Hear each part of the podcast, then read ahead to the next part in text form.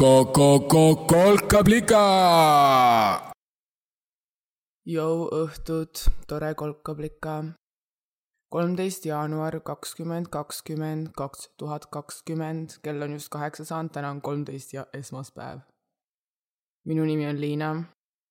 kutsun endki kolkablikaks ja olen täna siin, et tuua sullegi ehk tulu ehk taipamist.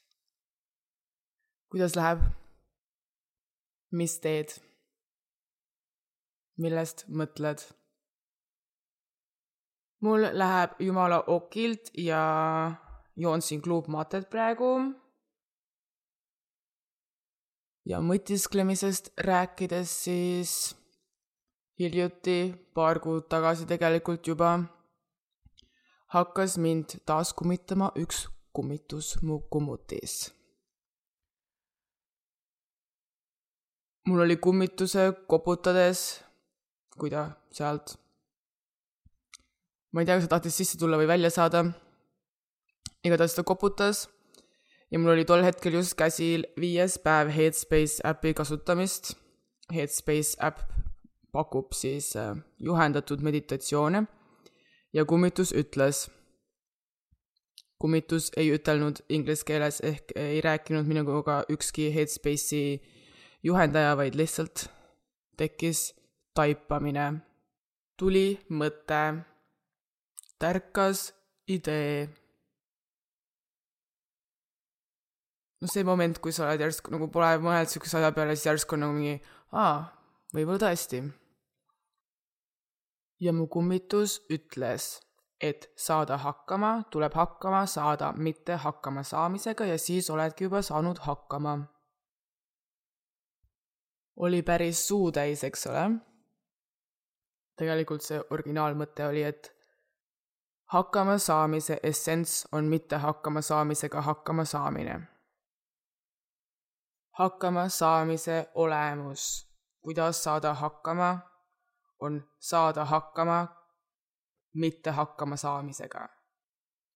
ja kui sa saad hakkama sellega, et sa alati ei saa kohe algusest peale kohe hakkama, siis lõppkokkuvõttes sa saad hakkama. ehk kokkuvõttes sihuke mitte allaandmise õpetus. või? ja niimoodi need viimased kuud siukse hobina kui millegi muu peale ei oska mõelda, olengi mõelnud, et kas kummitusel oli õigus? Kas mu vast-, kas mu mõte vastab tõele? kas sa tead seda Headspace äppi? see pakub juhendatud meditatsioone siis igast erinevatele elumuredele, nendega nii-öelda hakkama saamiseks õpetust. Nad hüüavad um- vist enne isegi, kui sa alla tõmbad selle äpi, et nemad on su giid terve ja õnnelik olemisse.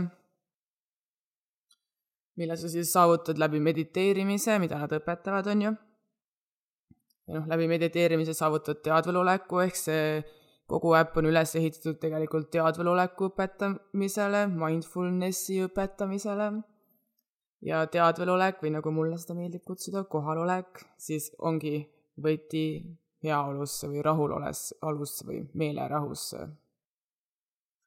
Ja ma ka tõmbasin endale selle äpi siis oktoobris, mu soov ei olnud saada õnnelikuks, sest mul üldiselt ei ole enam soovi saada õnnelikuks, sest äh, mingi viis aastat tagasi ma tegin enda jaoks vahe sisse. Rõõmul ja õnnelikkusel, sest ma kogesin mitte kuskilt tulnud rõõmu või õigemini kõigest sügavamast kurbusest ja masendusest tekkinud rõõmu, mis niimoodi aeglaselt kasvas nagu lillekene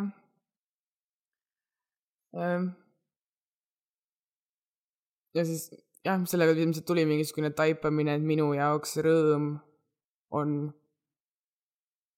kuidagi toredam elubensiin kui õnnelikkus, sest noh, nagu bensiin paneb auto käima või noh, loodetavasti varsti enam mitte. ma ei tea, siis mul elektrienergia või, noh, rõõm on parem energia äh, enda nii-öelda ülalhoidmiseks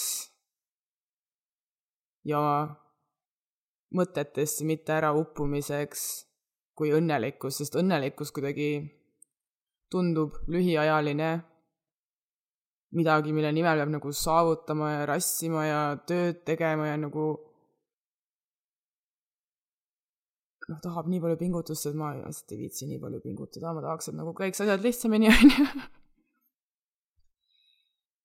ja kuidagi selles rõõmus, mis tuli sellest väga masekast iseenesest välja,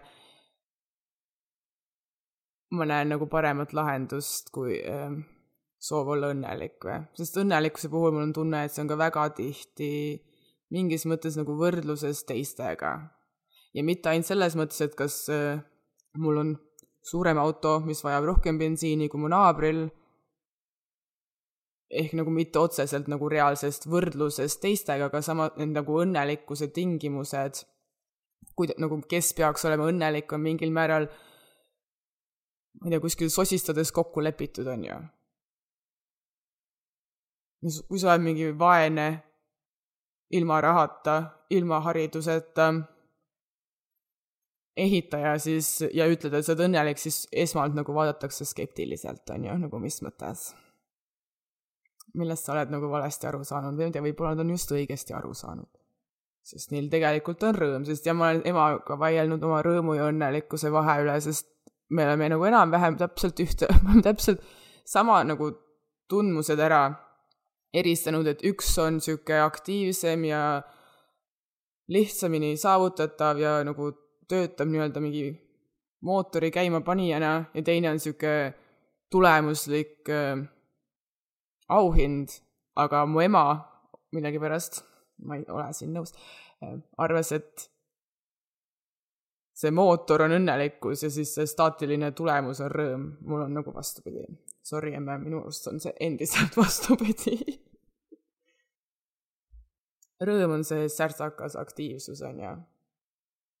ma ei tea, mis sa arvad? Ja noh, tegelikult ma ei otsinud ka otseselt rõõmu sellest äpist või ma nagu ei eeldanud, et mingi äpp mind rõõmsaks teeb, ma lihtsalt äh, vaatasin, mida mu see nutitelefon mu jaoks ära saab teha ja ja mediteerimine on niisugune intrigeeriv teema olnud niikuinii, sest mul ei tule see kunagi eriti hästi välja, kuigi ma olen äh, väga osav mitte millegi tegija ja paigalistuja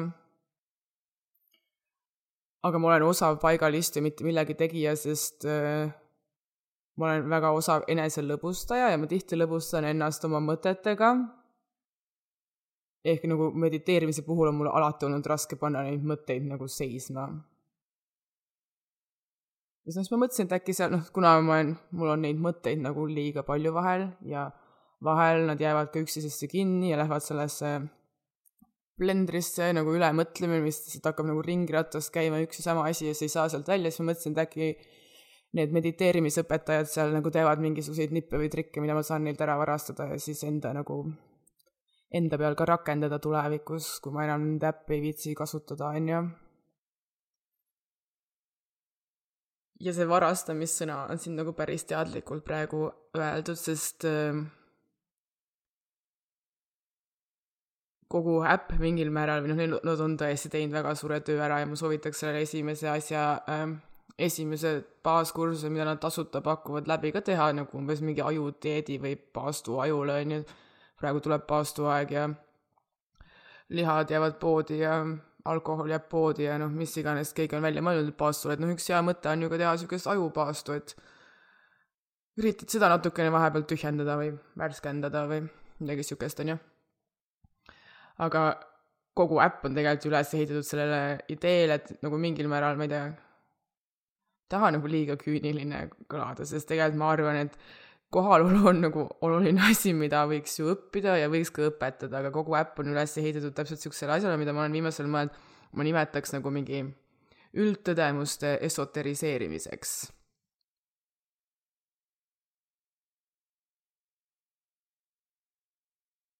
sest noh, esoteerika sõna tähendab üldiselt mingit niisugust krist- äh,, jah, mingi religioosi, religioosse või müstilise või niisuguse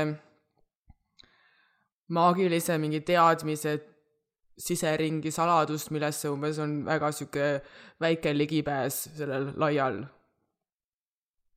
massil, nagu seal on, see on väga sihuke eliitne teema, on ju. ja väga paljud need äh, nii-öelda esoteerikast rikastujad, neil on oluline see, et nende käes oleks teadmine, tarkus ja võim sellest, selle üle, kes teavad ja mitte, sest või kuidas jagada, sest muidu ei saa ju rikkaks, on ju. ja noh, selle puhul on siis oluline jätta nii-öelda tarbijale, kliendile mulje, et, et sa ei tea ega saa teada ilma minuta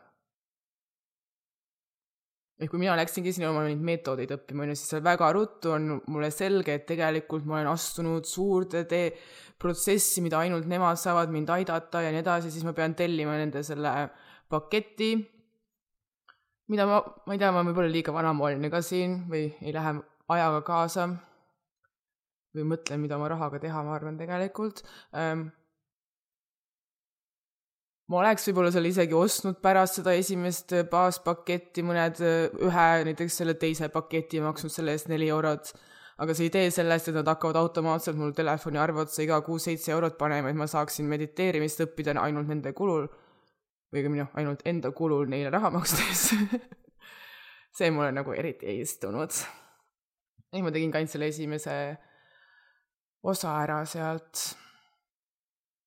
ja ma ei tea, minu arust nagu selle, selle esoteriseerimise, nagu ma seda kutsun nüüd viimasel ajal, äh, kõige parem näide on üks väike moment äh, sellest filmist Saladus, mis noh, räägib ka järgmisest niisugusest väga, mida väga paljud arvavad, et on niisugune esoteeriline teema, ehk see külgetõmbeseadus, on ju, kuidas manifesteerida enda ellu häid asju, no see film, ma raamatut pole lugenud, on üüber niisugune, ma ei tea, eseme teemaline, ehk nagu mida me manifesteerime, nagu tahan uut maja ja tahan uut äh, autot ja siis tahan paremaid äh, sõpru ja noh, nii edasi, on ju. noh, sihuke enesekasu peale väljas, on ju. Ähm, ja siis seal ähm, no seda saab nagu läbi positiivse mõtlemise, on ju, põhimõtteliselt no seal on väga mitmeid asju tegelikult sees ja ma tegelikult nagu usun, et see asi võib töötada, et noh, mina usun mitte negatiivsesse mõtlemisse. ehk ma usun, et kui sa saad hakkama mitte negatiivse mõttega, siis sul jääb mõtlemisega, mida mina olen tihti kogenud sellesama blendrina, kus mul lähevad need mõtted ringi ratas käima ja olengi selles oma elukvaliteedid selles momendis, kus lihtsalt ise arvan kogu aeg, et on halvasti, ehk ma usun ka, kui ma saaks sellest blendrist, saan välja ja saan pähe natukene nii-öelda nagu neutraalsemad või siis isegi positiivsed mõtted, on ju, et siis noh, automaatselt jääb mul ka ju rohkem aega, et panna tähele, ma ei tea, võimalusi või toredusi või nautida ja siis ongi nagu elukvaliteet kohe ka parem, sest kui elukvaliteedi suur osa on see, mis mu peas toimub, siis ma ei tea, see on minu arust nii loogiline.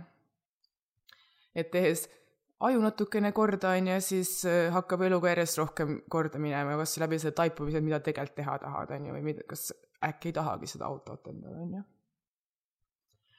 igatahes seal filmis siis on see üks mees, äh, kes vist, ma ei tea, arvan, et oli ka üks nendest saladusele jälile saajatest, kes arvas, et tema nagu leiutas selle või midagi niisugust. Ähm, ta räägib seal, kuidas tema oli avastanud mingi põhimõtteliselt nagu mingi talismannide võlu, on ju et kuidas ta oli mingi teepervelt korjanud mingi kivi, pannud selle taskusse ja siis, et kuidas noh, iga kord, kui ta käe taskusse pani ja sealt kivi leidis, et siis ta,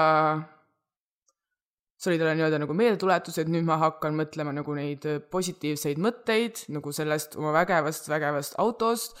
Ja siis, kui sa noh, päris sügavalt mõtled ja ette kujutad, siis seal tihti ka ju kaasneb äh, see tore emotsioon ja siis sa nagu natuke aega nagu grillid ennast selles toreduses ja siis teed silmad lahti, võtad käe taskust välja, kivi enam ei katsu, et siis on nagu noh, näed võimalusi siin maailmas, kuidas selle auto järgi minna, on ju. ja siis ta oli rääkinud, avastas, noh, talismanid põhimõtteliselt, on ju. siis ta rääkis mingisugusele vist Lõuna-Aafrika, ma ei tea, kas see oli sõber või mitte, inimesele sellest, kes ilmselt alguses oli skeptiline, igatahes ta oli jõudnud tagasi Lõuna-Aafrikasse, kui ta siis järsku nagu mõtles, et kuule, et meil siin Lõuna-Aafrikas on nagu päris äh, sitt seis, et inimesed äh, võiks ju ka nagu noh, eluolu tõsta, on ju, et äkki see, millest see onu seal Ameerikas rääkis, et äkki nagu tema see tehnika aitab. siis ta kirjutas sellele onule. mida see onu vastas, mis sa arvad? Onu tehnika oli see, et oli leidnud maast kivi, pannud selle taskusse ja hakanud kivi katsudes mõtlema toredaid mõtteid, põhimõtteliselt väga lihtsustatult, onju. mida sina vastaksid? ma oleks nagu mingi, oo lahe, et sulle mu mingi idee meeldis ja et arvad, et see võib sul ka töötada, et ma ei tea, teil on ju ka Lõuna-Aafrikas teed, on ju et ma ei tea, mine õue, korja kivi, kivid ja pane taskusse ja siis noh, tee nii, on ju. ma ei tea, mina oleks niimoodi vastanud. ei, see Ameerika onu läks õue, korjas kivid, saatis need postiga ja ilmselt küsis ka iga kivi eest kümme eurot, on ju. noh, dollarit ja noh, siin muidugi võiks ju kohe kiita ka onu, et tal on väga hea äriline mõtlemine, kuidas rikastuda. väga lihtsate ideede pealt. Aga ma ei tea. natukene kahtlane minu arust.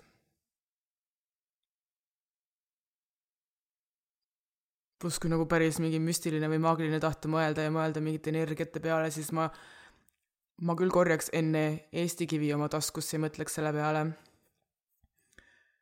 kui ma ei tea, Ameerikast mingi tähtsa kivi ostaks, on ju. kuigi noh, tegelikult ju veel rääkides kividest, taskutest, siis äh, mitte igal juhul nendega ujuma minna, on ju, nii et riided on seljas, see võib väga halvasti lõppeda, see tuleb mul ka alati meelde. aga nüüd tagasi siis mu kummituse lausutud äh, kummitava lause juurde, et saada hakkama, tuleb hakkama saada mitte hakkama saamisega ja siis juba saadki hakkama. Minu esimene mõte, kui ma hakkasin juurdlema, kas mu kummitusel võib olla õigus, oli see, et mu kummitusele ja ilmselt siis ka mulle endale väga meeldib äh, tautologiseerida kasutada tautoloogiat. mis on tautoloogia?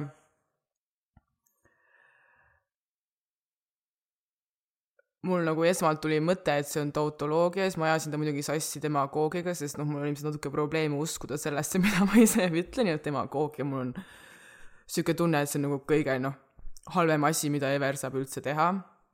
ja siis mul oli kohe mõte, et tautoloogia on hästi halb asi ja siis ma olen guugeldanud, mis see tautoloogia siis on. esimene asi muidugi, mu lemmikasi, ma läksin sõnaveebi. ja sõnaveeb ütles, et tautoloogia on sama või lähedase tähendusega sõnade sulgudes tarbetu kirju- eh,, kuhjamine. ehk sihuke nagu retooriline või grammatiline või nagu kirjanduslik eh, mõiste selleks, kui ähm, sõnu on ülearu. näited on selleks näiteks rikas miljonär. noh, miljonär on ilmselgelt kõigi teistega võrreldes juba päris rikas, et noh, miks sa pead eraldi ütlema sinna juurde rikas, on ju. Kusjuures ma mõtlesin veel pärast seda, et nagu väga huvitav äh, teine variant on siis vaene miljonär, ehk kui sa paned miljonärile ette vaene, siis sul tekib kohe nagu mingi kaastunne, on ju. mis ei pruugi üldse olla seotud tema tegelikult rikkusega, vaid nagu noh, vaene millegi ees on tavaliselt alati sihuke kaastundlik äh, väljend, on ju. aga noh, neid on siukseid on veel keeles palju, näiteks ette äh, ennustama. noh, ennustamine iseenesest juba on millegi ettekuulutamine, aga me tihti ütleme ikkagi nagu etteennustamine, ehk tegelikult see ette on nagu ülearune või siis silmanägemine. noh, silmanägemise puhul on ka see küsimus, et äkki on teisi nägemisi ka ja siis peab nagu otse ütlema, on ju, et ikka silmanägemine aga noh, põhimõtteliselt ei ole seda silma sinna ette vaja, on ju. ja siis see sõnaveev ütles veel, et tautoloogia on ka loogikaviga, mis seisneb väite tõestamises ja mõiste defineerimises sellesama väite või mõiste varal. Idem ber idem. ja mul alati hakkavad kehakarvad tantsima, kui sõnaraamat või siis noh, sel hetkel sõnaveeb annab hinnangu sõnale, see on nii ilus minu arust sest noh, siin viimase puhul ta ütleb otse välja, et see on loogikaviga. siis mul tekib nagu alati küsimus, et aga kust sa tead, et see on loogikaviga? ja noh, eriti veel selles olukorras me räägime ainult äh, keelelisest loogikast, kus me defineerime midagi millegi sellesama enda varal, on ju, siis ma guugeldasin edasi, siis tuleb tegelikult välja, et matemaatilises loogikas ongi tautoloogia ka täiesti teema ja tautoloogia tähendab väidet, mis on alati tõene, paratamatult tõene, näiteks et äh, ähm, X on Y või Y on X, see oli nagu üks näide, on ju. või siis näiteks, et lehmad on kas mustvalged või mõnd muud värvi. alati tõene. põhimõtteliselt ütleb, et lehmad võivad ükskõik mis värvi olla, on ju.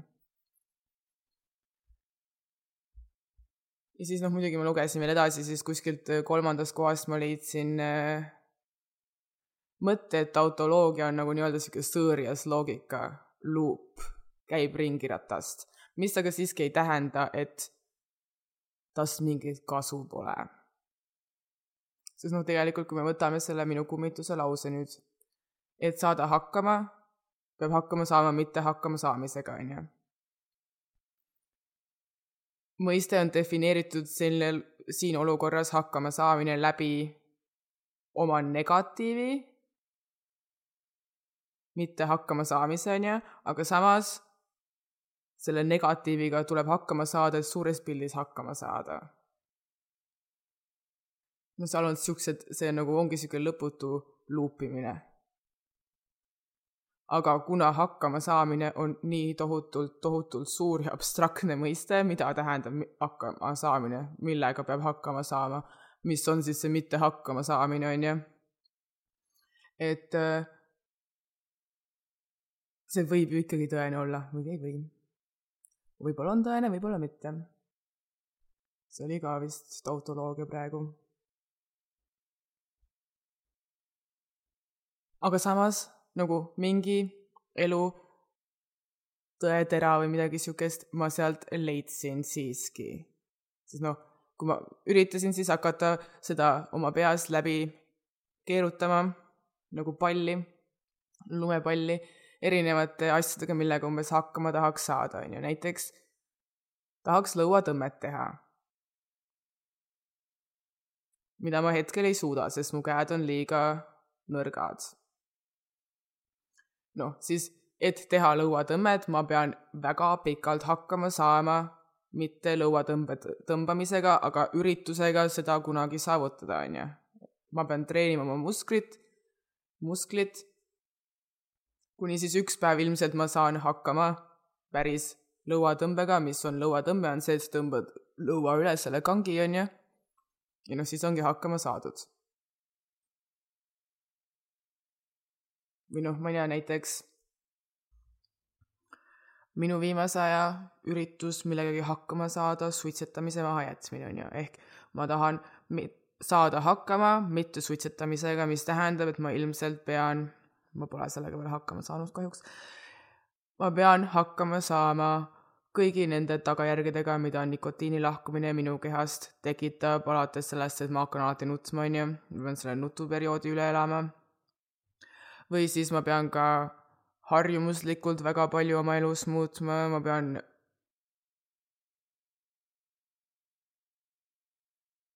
meelde tuletama endale, miks ma ikka seda kogu aeg teen, sest nagu harjumuslikult tahaks kogu aeg, kui stress tuleb või mis iganes tuleb, üle kätte võtta, on ju. ehk nagu põhimõtteliselt ma pean end jälle ikkagi nagu treenima, ka siin. olema järjepidev, mitte alla andma, ehk põhimõtteliselt jah, see on nagu mitte allaandmise õpetus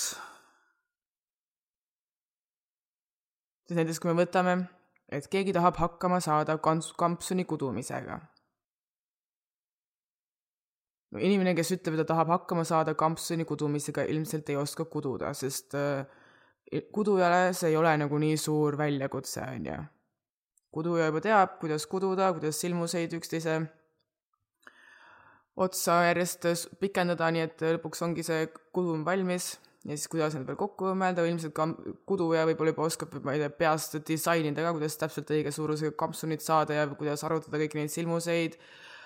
ja nii edasi, on ju, aga kui sa oled nagu mingi algaja kuduja, siis sa pead, noh, esmalt soovitatakse sul teha üldse proovilapp või noh, esmalt tuleks muidugi kudumine selgeks õppida, siis võid ju proovilapi teha ja siis pead veel arvutama ja noh, see kõik võib tunduda täie, tunduda täielik nagu mingi kosmosetehnika, on ju, või kuidas, ma ei tea, raketiteadus. aga kui nagu oma selle mõtte sellele paned ja seda põnevusest nagu väljakutsena vastu võtad, siis tundub ju noh, kui tõesti nii-öelda tahad seda saavutada, siis tundub ju võib-olla põnev.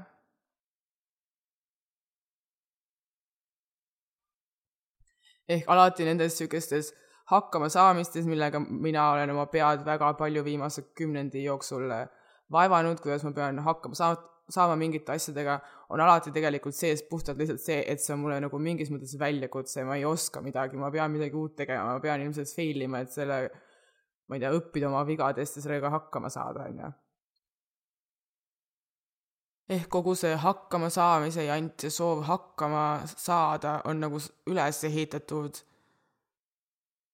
sarnaselt nagu soov olla õnnelik. Mingi eesmärgi täitmisele, kus eesmärk saab nagu mingi väga tähtsaks. ja siis ma tabasin et väljakutsest on palju põnevam mõelda kui sellest tohutust jadast üritusest saada hakkama või soovist saada hakkama. sest seal on nagu mingis mõttes sarnane vahe minu jaoks sees, nagu on rõõmul ja õnnelikkusel. Nagu hakkama saamise järel tekib õnnetunne. väljakutsed võtan rõõmuga vastu see ongi see vahe minu arust.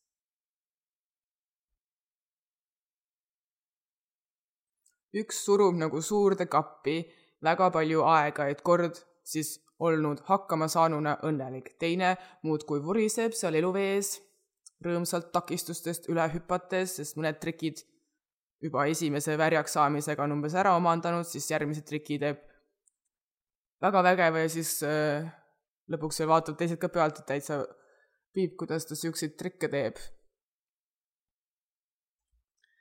nii et ma arvan, et järeldus mu viimaste kuis, viimasekuistest mõtisklustest seoses sellega, et mis see hakkamasaamine siis on, ma järeldan, et hakkamasaamine on nii kahe tuhande kümnendad.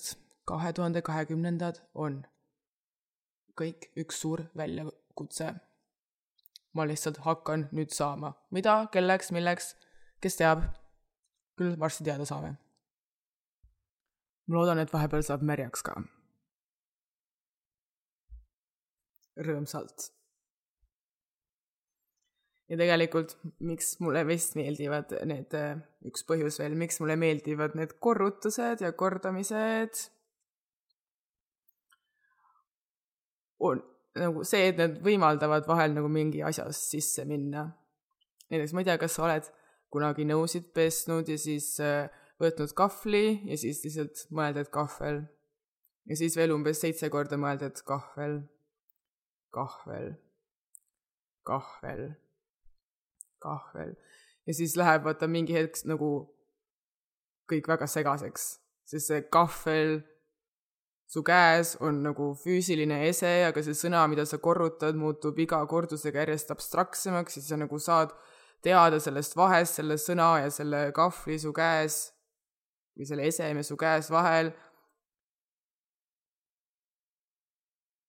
ja siis nagu imestad selle üle, kuidas olemegi kuidagi kõik jõudnud selleni, et kõik me teame ju, et see on seal kahvel käes, aga samas see on nii lamp, et selle asja nimi, mis näeb hargi moodi välja, on kahvel, on ju. noh, eriti see imestus tuleb siis, kui sa ei tea, et kahvel tuleb saksakeelsest sõnast kaabel, on ju.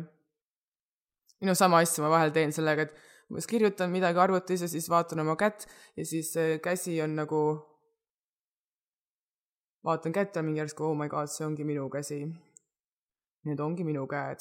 ja siis korrutad paar korda siis hakkad mõtlema, et nende kätega ma sööngi ja mõtle, kui tore, et nad ikkagi mul olemas on.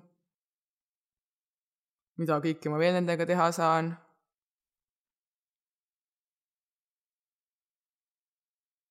ehk nagu nende käte tähendus põhimõtteliselt läheb järsku väga palju laiemaks või avardub. saad neist teadlikuks. Ja nii saab ju kõigega teha. muuta läbikordamise asjad nii abstraktseks, et mingi uus selgus kuskilt vahepealt nagu nügib sisse. see on ka üks lõbus tehnika, kuidas teadvelolekut avastada. minu arust. vot, ja kui sa tahad minu mitte midagi maksva tellimusega liituda, siis meeldetuletust saab endiselt tellida www.kolkablika.ee. ja siin ma täna lõpetan